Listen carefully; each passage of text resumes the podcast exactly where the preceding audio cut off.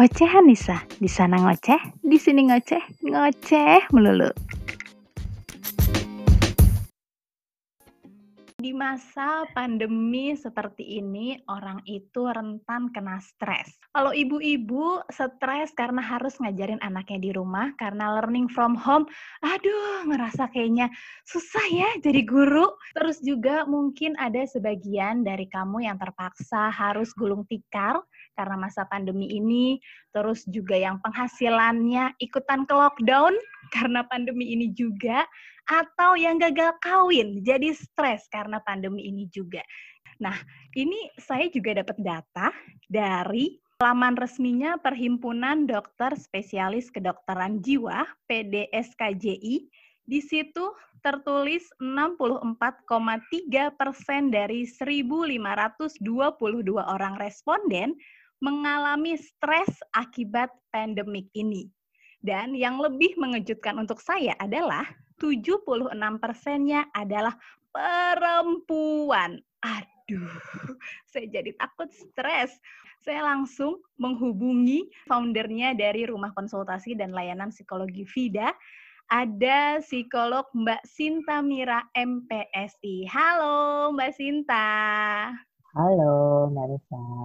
Terima kasih ya Mbak sudah meluangkan waktunya ya. untuk kita semua nih. Sama-sama. Mbak Sinta sehat? Sehat, Tuhan. Alhamdulillah. Harus sehat psikolognya. Nanti kalau nggak sehat kita konsultasinya gimana? Mbak Sinta tadi sempat dengar ya. ya data dari aku. Uh -uh. Itu 64,3 persen bukan angka yang kecil dan ya. 76 persennya itu adalah perempuan yang mengalami stres. Itu angka yang besar menurut saya. Kok bisa? Perempuan memangnya rentan terkena stres dibandingkan laki-laki. Sebenarnya Vida juga pernah bikin survei kecil-kecilan ya Mbak Nisa pas mm-hmm. awal-awal pandemi itu berarti masih awal Maret ya. Saya juga cukup emes ya masih awal Maret hmm Tapi saat kita survei gitu di sosmed kita aja kecil-kecilan gitu memang tidak se semasif yang tadi Mbak Nisa uh, beritahukan ya untuk mm-hmm. datanya. Tapi memang 90-an persen bahkan ya semua ngalamin stres dan mereka cerita memang stresnya itu beragam dari banyak hal yang mereka rasakan gitu. Jadi nggak cuman uh, karena pandemi juga ada ketakutan uh, Rismon, ketakutan hmm. tentang keluarganya akan kena dan macam-macam hmm. dan memang kebetulan di sosmed kita juga audiensnya kebanyakan ibu-ibu ya. Jadi oh, memang ya, uh, kalau tadi ya. Mbak Nisa bilang 70% uh, kaum wanita hmm. mungkin jadinya selaras gitu ya datanya ya okay. karena memang wanita lebih peka ya, lebih sensitif hmm, dari segi emosinya, jadi dan lebih lebih terbuka untuk mengakui perasaannya. Mungkin saat disurvei bisa juga banyak laki-laki yang disurvei, tapi mungkin yeah. tidak sepeka itu dalam uh, keterbukaan perasaan, gitu ya. Kalau perempuan mm kita gampang curhat ya Mbak ya, gampang curhat, gampang cerita tentang masalah-masalah uh, kita. Itulah kenapa mungkin uh, dari banyak survei kelihatannya uh, wanita yang banyak uh, lebih banyak positif mengalami stresnya. Padahal kalau saya lihat itu sebenarnya laki-laki juga stres, tapi mereka lebih bisa mengcover stresnya itu dengan cara-caranya mereka sendiri. Kalau laki-laki okay. mungkin seperti itu ya. Mm-hmm. Sebelum kita ngobrol lebih jauh, sebenarnya mm-hmm. stres itu sendiri apa sih Mbak? Orang bisa dikatakan dia itu mengalami stres kalau kondisinya seperti apa? Stres itu kan bahasa gamblangnya tekanan ya hmm Tekanan ya, tekanan yang dirasakan, tekanan yang tidak nyaman yang dirasakan gitu, sesuatu yang tidak nyaman, istilahnya gitu sih ya, mm-hmm. sesuatu yang tidak nyaman yang dirasakan. Seperti apa ya rasanya kayak ada sesuatu yang enggak ngenakin yang kita rasain gitu aja bisa dalam banyak hal bisa biasanya kita merasa tenang kok sekarang saya lebih banyak kepikiran hal-hal yang negatif okay. biasanya saya bisa bekerja dengan rutin, misalnya 9 to 5 mm-hmm. kok sekarang jadinya ada perubahan rutinitas. Jadi ada sesuatu yang mm. tidak nyaman untuk kita, itu otomatis tubuh kita memberikan sinyal bahwa ini ada sesuatu yang berbeda. Emosi kita pun memberikan sinyal bahwa mm. uh, ini ada sesuatu yang berbeda. Uh, kita nggak nyaman, kamu mau apa gitu. Ada orang yang beresponnya dengan cara dibiarin, ada juga yang dirasakan jadinya hmm. bentuknya kerasanya stres seperti itu sih. Tadi Mbak bilang kalau laki-laki itu sebenarnya dia stres, cuman mungkin bisa mengelola atau hmm. gengsi mengakui kalau mereka itu stres tidak terbiasa ah, untuk ah, curhat ya uh, mengenali rasa stres tidak terbiasa hmm. mengenali rasa stres mungkin hmm. gitu ya okay. uh, kalau perempuan pusing pusing-pusing dikit kerasa gitu ya mbak yeah. ya iya. aduh ini anak-anak berisik oh aduh anak-anak yeah bisa tidur. Nah, itu kita berasa dan kita bisa dengan mudah mengekspresikannya. Kalau hmm. laki-laki kadang-kadang punya tekanan juga cuman mereka tidak terbiasa mengekspresikannya. Jadi okay. uh, bentuk pelampiasan atau bentuk pengungkapan stresnya juga beda-beda. Uh, dan uniknya memang uh, klien kami pun uh, banyak juga yang laki-laki dan mereka juga mengalami stres. Tapi memang okay. uh, keterbukaan untuk perasaannya tidak seperti perempuan gitu. Jadi hmm. beda beda gender memang beda cara mengelola emosinya sih mbak. Oke, okay. apa yang bisa dipelajari dari cara mengelola stres dari laki-laki yang harus mungkin dilakukan sama perempuan mbak? Hmm. Mungkin malah kalau saya lihat mengungkapkan stres itu malah hal yang baik. Artinya gini, oh, gitu. keterbukaan keterbukaan okay. uh, eh, pada orang-orang yang disurvei gitu ya, mungkin yang dari hasil survei yang tadi Mbak bacain, keterbukaan untuk mengakui iya saya stres itu adalah tahap yang sangat bagus kalau saya bilang ya kalau kita sudah mengakui bahwa kita punya masalah, mm -hmm. itu adalah 50% untuk menuju sembuh. Beda dengan oh, orang yang enggak, saya nggak punya masalah Denial gitu ya, gitu beda ya. ya. uh, kalau enggak saya nggak apa-apa kok, padahal dia mengalami rasa tekanan. Nah, beda dengan yang uh, saya punya masalah, gitu. Nah, itu udah 50% untuk willingness-nya menuju sembuh. Jadi memang lebih baik kita memang mengakui kalau kita punya masalah dan juga tahu bahwa kita punya masalah, merasakan itu sehingga kita hmm. tahu bagaimana kita harus dealing with the emotion, seperti itu ya. Oke, okay. jadi bukan laki-laki uh, itu baik karena dia memendam uh, rasa stresnya, justru perempuan lebih baik karena dia lebih bisa mengungkapkan gitu ya, Mbak ya? Ya, ada plus hmm, minusnya sebenarnya. Okay, Saya nggak yeah, bilang yeah, based on gender, tapi artinya kalau kita bisa mengungkapkan apa yang kita rasakan, apa yang itu masalah yang sedang kita rasakan, itu lebih baik. Jadi yeah. sebenarnya kalau kita merasakan sesuatu ada yang nggak enak dalam diri atau merasa mumet gitu ya, itu sebaiknya harus diceritakan kepada siapa Mbak? Seharusnya kita bercerita okay. agar ini bukan nambah pusing gitu kan. Kadang ada loh Mbak kita cerita sama orang bukannya ada solusi tambah ribet ya? tambah ribet gitu loh. Salah-salah ya. malah tambah stres. Stres yang terasa di masa pandemi ini kalau yang kami lihat cukup khas mbak. Karena ini stresnya semua orang ngalamin gitu ya. Siapa sih yang nggak ngalamin uh, cemas gitu saat ini? Semua orang ngalamin tapi bentuknya beda-beda gitu. Tapi artinya uh, kita jadi belajar bagaimana sih kita harus bertahan dalam situasi yang tidak ngenakin seperti yang sekarang ini Okay. Uh, yang pasti yang pertama di situasi yang nggak ngenakin seperti apa pun, uh, kita harus belajar untuk melihat sisi positif. Memang itu klise mm. banget ya, tapi bisa ngelihat sisi positif dalam situasi terburuk sekalipun itu akan memberi kita semangat untuk bisa ngelihat ada sesuatu yang baik di balik ini semua gitu. Jadi okay. uh, tidak jadi stresnya tidak berlanjut kelamaan mm. atau makin dalam bentuknya jadi depresi atau jadi gangguan mental yang lebih berat, tapi mm uh, kita bisa berusaha membuat diri kita berpikir bahwa uh, ada sesuatu yang positif gitu. Artinya kalau kalau saya uh, kita pernah posting ya kalau nggak salah di sosial med sosial medianya Vida hmm. uh, kita berusahakan menulis jurnal positif setiap harinya artinya okay. dalam kondisi seburuk apa pun coba temukan hal-hal yang positif yang bisa kita mention untuk setiap harinya apa pun hmm. sekecil apa pun uh, hmm. udara yang cerah anak yang mungkin nggak rewel gitu ya hmm. suami yang hari ini perhatian apa pun bentuknya jadi uh, sekecil apa pun itu saat, saat kita bisa Eh, acknowledge atau mengakui satu hal yang positif itu sudah merupakan kemampuan kita untuk melihat hal yang positif dari situasi yang buruk. Berikutnya cerita ke siapa. Nah itu juga agak riskan. Banyak orang sekarang ngalamin tekanan ceritanya di sosial media yes. gitu ya. Jadi malah tambah ribet. Uh, memang ada baiknya sekarang lebih banyak uh, membatasi hal-hal yang negatif di sosial media karena uh, banyak info-info yang malah menambah rasa stres kita. Mm -hmm. gitu. Jadi uh, ada saya punya beberapa klien yang memang malah makin stres gitu setelah sering baca berita, sering browsing.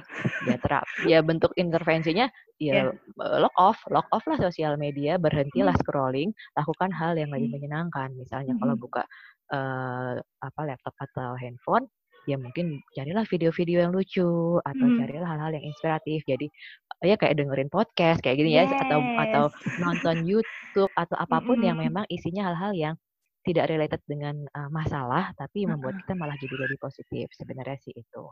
Terus juga ya kita harus berusaha mengelilingi diri kita dengan uh, orang-orang yang positif. Kalau kita tahu ada orang-orang yang di grup misalnya ya ada yang, yang toxic gitu ya. terus ya, mm -hmm. ya artinya kita harus berusaha membuat lingkungan kita isinya orang-orang yang lebih uh, kondusif untuk situasi yang kayak gini. Gitu. Kita tahu siapa-siapa aja sih yang bisa kita ajak ngobrol, yang kalau kita curhatin dia uh, cukup terbuka. Jadi memang kita yang harus sekarang pinter-pinter untuk membuat orang-orang sekeliling kita uh, jadi orang-orang yang juga positif.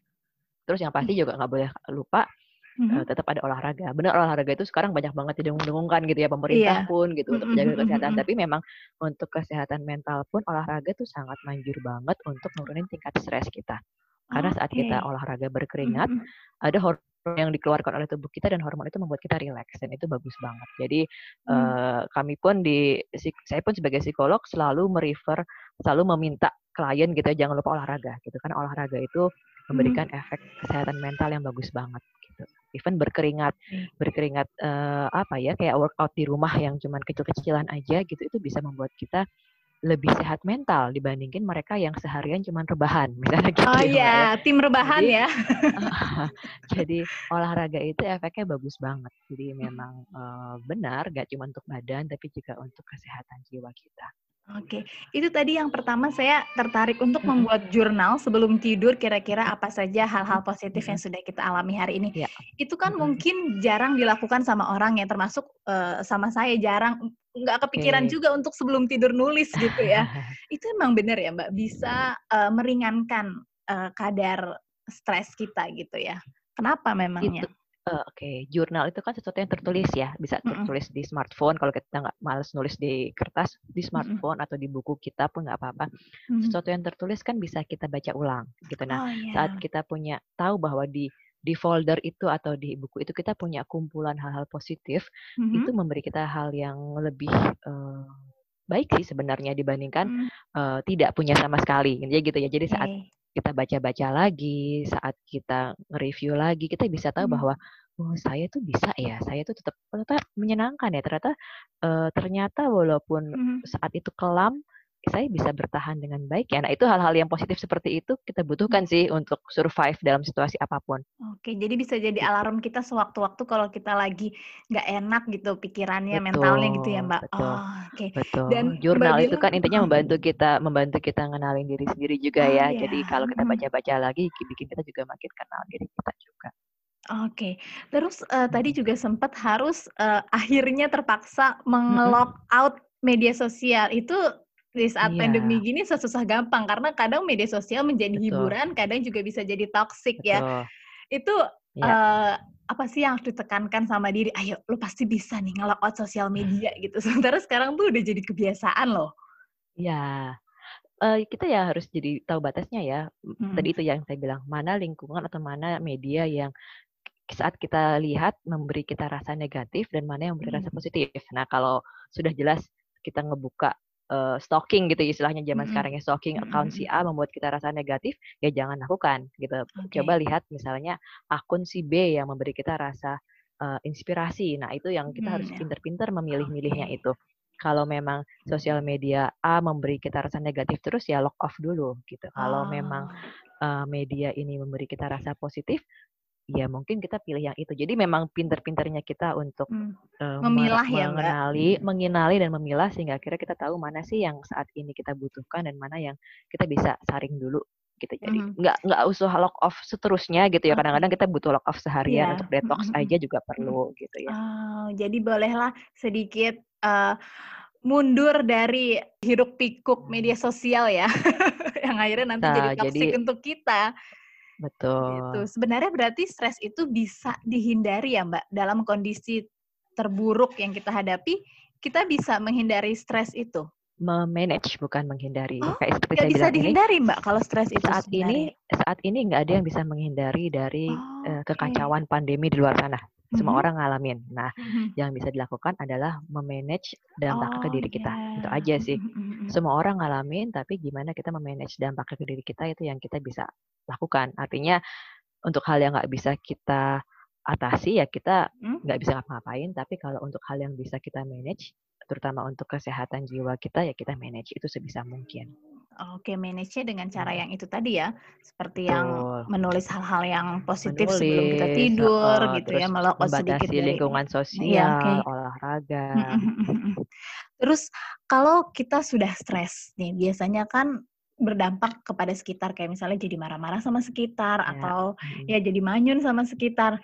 Gimana Mbak cara mengelolanya agar nggak berdampak sama orang lain? Uh, artinya setiap orang memang harus punya istilahnya stress management yang bagus. Artinya hmm. stres itu tidak numpuk kayak di di gelas yang numpuk sampai penuh bluber-bluber, tapi kita uh -huh. tahu gimana kita uh, buka keran dari gelas itu supaya apa yang terasa di situ bisa tersalurkan dengan wajar sehingga tidak hmm. meledak-ledak gitu. Jadi kemampuan manajemen stres itu yang setiap orang harus punya. Itulah kenapa Hmm. Kayak olahraga seharusnya rutin. Kenapa? Karena dengan rutin kita bisa ngeluarin energi-energi negatif kita. Terus hmm. kenapa kita harus tahu mana lingkungan sosial yang toksik, mana yang tidak? Karena kita dengan seperti itu kita bisa membatasi asupan negatif pada diri kita. Terus kita hmm. juga harus tahu uh, misalnya cara kita melampiaskan stres seperti apa sih? Ada orang yang makan, ada orang yang nonton, ada yang belanja gitu, apa pun bentuknya. Tapi kita juga harus bisa melampiaskan stres itu dengan cara yang wajar dan juga uh, apa ya cukup produktif gitu. Misalnya Makan, apa, belanja itu juga hal yang menurut saya cukup uh, cukup oke okay ya. Artinya hmm. yang penting rasa stres itu keluar daripada kita diam saja. Tadi itu kayak gelas, kita, kita diem aja biar sampai penuh bluber. Ya mendingan kita salurkan, misalnya dengan kita masak makan, oh, kemudian yeah. kita belanja belanja untuk baju-baju uh, anak atau apa yang buat orang lain itu kan juga menyenangkan. Jadi sesuatu yang juga menyenangkan untuk diri kita sama orang lain. Itu cara menyalurkan stres yang lebih positif sih dibandingin kita pendam, kita mm -hmm. diem aja, terus tiba-tiba gelasnya luber atau pecah malah meledak di satu saat okay. itu malah lebih bahaya. Mm -hmm. Dan uh, kalau kita sudah stres dan orang lain, orang-orang mm -hmm. di sekitar gitu harus bersikap apa sih Mbak sama kita biar kita nggak tambah stres gitu. Support mereka mm -hmm. tuh seperti apa harus? Terus terang kita nggak bisa mengharapkan orang lain yang berespon ke kita ya, oh, karena kita lah yang harus mm -hmm. menjaganya apalagi kalau ada anak-anak kita nggak mungkin yeah. berharap anak-anak bisa memahami uh, atau uh, pasangan orang yang gitu. lagi stres uh, uh, hmm. jadi sebisa mungkin memang uh, dari internal kitanya yang oh, harus bisa okay. mengatasi hmm. at least kita memberitahu kalau ke pasangan hmm. atau sesama orang dewasa at least kita cukup terbuka untuk bilang aku lagi stres banget nih maaf ya kamu yang pegang anak misalnya gitu jadi uh-huh, keterbukaan kayak gitu yang kita butuhkan sehingga kita bisa punya waktu untuk memanage stres kita dulu sampai kita uh-huh. tenang lagi untuk menghandle pekerjaan yang lain misalnya begitu jadi nggak okay. berantakan gitu ya uh-huh. beda kalau kita stres kita marah-marah ke anak ke pasangan yeah. rumah berantakan malah hmm. berantakan. Tapi kalau kita bisa bilang ke pasangan, maaf ya aku oh, lagi stres berat nih, oh, ada ini ini iya. ini, kamu yang tolong mandiin uh, si anak atau segala macam, itu akan lebih lancar gitu ya untuk segala hmm. sesuatunya jadinya. Hmm. Berarti sangat penting untuk kita terbuka sama orang lain, mengakui oh. kalau kita sedang stres, oh. tolong ya. dipahami, ya. beri, beri saya sedikit waktu gitu ya Mbak ya. Uh, uh, ya. Oke, okay. terus Mbak ada nggak sih tips untuk para wanita ini terutama ya, biar nggak uh, stres uh, nih saat pandemi? Kayaknya di rumah tuh kayak semakin minim me time-nya karena dikit-dikit ada teriakan anak. Iya, betul. Gimana, Mbak? Jadi benar-benar itu ya dunia tuh makin makin iya. kayak makin di rumah aja gitu ya. Uh, uh, belum ah, kerjaan ya, mau nggak mau kita memang uh, uh, uh, uh, betul. Harus punya space untuk diri sendiri sih Mbak tetap ya. Hmm. Uh, segimanapun kecilnya rumah itu atau segimanapun hidup pikuknya rumah itu di hmm. setiap harinya mm-hmm. uh, tetap harus punya space untuk diri sendiri dan okay. sedikit waktu untuk diri sendiri. Uh, entah satu jam aja di uh, pas saat anak tidur atau saat agak tenang gitu ya mm-hmm. untuk untuk diri sendiri uh, nonton, baca mm-hmm. atau apa pun yang membuat kita bisa lebih balance karena kita nggak mungkin sekarang pergi-pergi uh, terus gitu artinya sekarang memang uh, aktivitas banyak di rumah ya memang mm-hmm. kita yang harus memberikan space untuk diri kita sendiri di rumah supaya kita bisa bisa punya waktu untuk diri sendiri juga di antara semua hidup pikuk itu. Oke, berarti me time itu seminim apa pun waktunya atau bentuknya seperti ya. apa pun ya. tuh harus dipunyai Penting banget. ya mbak. Uh, itu reward buat diri sendiri oh, soalnya oh, ya. ya. Benar banget mbak. Terus biasanya orang itu berapa lama sih mbak? Ada nggak sih jangka waktu orang biasanya stres sebulan juga udah beres? Ada jangka waktunya nggak sih orang beres dari stres? Kalau pandemi ini bisa berkelanjutan, semua orang akan stres dalam jangka waktu yang lama. Tapi Aduh. tadi itu ya, gimana cara kita memanage rasa stres itu itu aja sih. Jadi kalau kita bisa lihat stres ini sebagai ya udah ini wajar, ini mm -hmm. semua bencana, ini semua mm -hmm. cobaan kita jalani dengan sabar dengan kuat, nah itu kita bisa bertahan. Tapi kalau rasa stres itu tadi saya bilang ya, berkelanjutan, bikin kita terpuruk, bikin kita jadi malah depresi, bikin kita makin cemas, nggak bisa keluar kamar, nggak mau bangun, Iya. nah itu makin parah. Jadi kalau Oh, jadi kalau sudah stresnya sudah dirasakan mengarah ke, eee, depresi, itu yang Mmm. harus benar-benar butuh bantuan. Berarti stres dan depresi itu tingkatannya berbeda, Mbak? Iya, Mbak, ya? Depresi itu yang lebih intens ya, istilahnya ya, Bedanya istilah gimana, awalnya Mbak? intens banget. Mhm. Rasanya kalau stres itu tekanan ya, kayak rasa nggak nyaman tadi saya bilang. Tapi kalau, eee, orang yang mengalami depresi, apalagi sudah depresi yang sudah mengarah ke gangguan mental, Mhm rasanya, apa ya, berat, suram, even untuk bangun aja susah, untuk Mhm. bersemangat ngobrol, ketemu orang aja juga susah. Mhm Jadi lebih, eee, lebih intens dari segi apa yang dirasakan. Oke, jadi mungkin tingkatannya lebih tinggi dibanding stres Iya. itu ya. Itu bisa, eee, mengarah ke penyakit-penyakit lainnya nggak sih, Mbak, kalau kita udah stres atau depresi? Katanya Oh, kalau, baik eee, kita stres banyak penyakit yang datang gitu. Oh, penyakit fisik maksudnya? Mhm, ya penyakit fisik. Oh, ya ada Iya, aja ya, karena ada ya? kan tubuh dan tubuh dan pikiran kita, eee, berkait ya. Oke, Ya depresi oke. itu adalah sakit penyakit eee, sebenarnya adalah masalah mental yang cukup serius. Mhm. Makanya katanya kalau pandemi ini, eee, diharapkan jangan stres, tapi susah ya, Mbak, ya? Kita harus menjaga level stres kita di Mhm level yang aman buat kita Oke, aja, jadi curhat supaya itu sebenarnya penting gitu ya, Mbak, ya? Curhat Betul dengan orang betul. yang tepat dan nggak di sosial media kalau bisa ya, Mbak, ya? Sebaiknya Sebaiknya sebaiknya. ya. Dan Mhm. kadang orang masih sungkan untuk konsultasi ke psikolog. Kapan Betul. dirasa kita perlu untuk mendatangi psikolog, Mbak, untuk mengobati stres kita? Oke. Iya, ada kalanya masih ada rasa sungkan yang ngerasa kalau Mhm. ke psikolog tuh artinya saya sakit, sakit Iya jiwa gitu. iya. Sebenarnya, eee, ya itu tadi, kalau rasanya saya tidak bisa melakukan hal sehari-hari dengan baik, atau Mhm. rasanya ini menekan banget, rasanya ada sesuatu yang nggak bisa saya jelaskan, dan rasanya mungkin nggak bisa cerita ke semua orang, ya mungkin Mhm. sekarang, eee, banyak sekali konsultasi online yang reachable ya, dan pemerintah Mhm. juga kalau nggak salah menyediakan gitu. Jadi memang silahkan cari bantuan gitu. Artinya, eee, dalam di dalam mental yang sehat ada tubuh yang kuat. Jadi artinya kita memang harus tahu kapan batas-batas kita ngerasa diri kita lagi nggak kuat, supaya kita bisa segera, eee, mengatasi itu, supaya badan kita nggak kebawa sakit gitu ya. Jadi nggak usah merasa sungkan kalau untuk minta bantuan kepada Betul. psikolog ya, bukan berarti sakit Betul. jiwa gitu ya, Mbak, ya? Bukan berarti. Bukan. Apalagi di masa kayak sekarang ini wajar banget. Mbak, kalau untuk di rumah konsultasi dan layanan psikologi Mhm. Vida sendiri, yang Mhm. konsultasi itu meningkat, Mbak, selama masa pandemi ini? Sebenarnya menurun karena kami Oh, tutup gitu. kliniknya, Mmm. gitu ya, hanya online dan tidak semua orang familiar dengan komunikasi yang virtual gitu. Jadi memang, mhm. ya masih ups and down, tapi kebutuhan itu ada gitu. Artinya Oke. kebutuhan untuk konsultasi secara online maupun secara email juga ada. Jadi mungkin Mhm. untuk Anda yang sedang mencari psikolog ya, bisa ke Mbak Sinta Mira ini di rumah konsultasi Boleh. dan layanan psikologi Boleh. Vida ya. Itu di daerah? Iya, di daerah Bogor, tapi kalau Mhm. online kan kita bisa dari mana aja ya, Mhm mhm. tidak terbatas daerah dan wilayah. Iya, dan sekarang kan sementara tutup, tapi, Tutup, eee, betul. iya bisa via online. Video call dan juga email. Oke, Video call kenapa kami pilih, karena video call paling tidak bisa menggantikan tatap muka. Iya. Kita bisa ngelihat satu sama lain ekspresinya, kemudian kita bisa merasakan juga. Dan kenapa email juga kita pilih, karena dengan email kita bisa konsultasi atau curhat lebih panjang, elaboratif, tidak sekedar chatting gitu ya. Jadi Mmm. ada efek writing terapinya, terapi menulis di situ. Itulah kenapa kita pilih 2 media itu. Jadi, eee, silahkan dari mana pun bisa dilakukan untuk konsultasi, eee, email maupun, eee, video call ini, eee, selama, eee, membuat perjanjian dulu gitu. Jadi silahkan lihat, eee, di sosial media kami, @vidakita kalau untuk Instagram-nya, di situ ada link-nya untuk, admin yang di WhatsApp atau bisa juga, eee, DM juga dari Instagram juga nggak apa-apa. Jadi artinya kontak kami aja, nanti kita akan follow up untuk perjanjiannya. Mbak Gitu. Sinta, terima kasih Ya, banyak buat sharing-nya. sama-sama Aduh, mudah-mudahan kita nggak jadi stres nih ya. Udah deh langsung olahraga gitu ya. Langsung bikin jurnal, itu kayaknya habis ini saya bakal lakukan itu. Terima Oke kasih banyak. Mbak Sinta, Ya, sama-sama Salam untuk Nisa. keluarga. Sama-sama. Dah.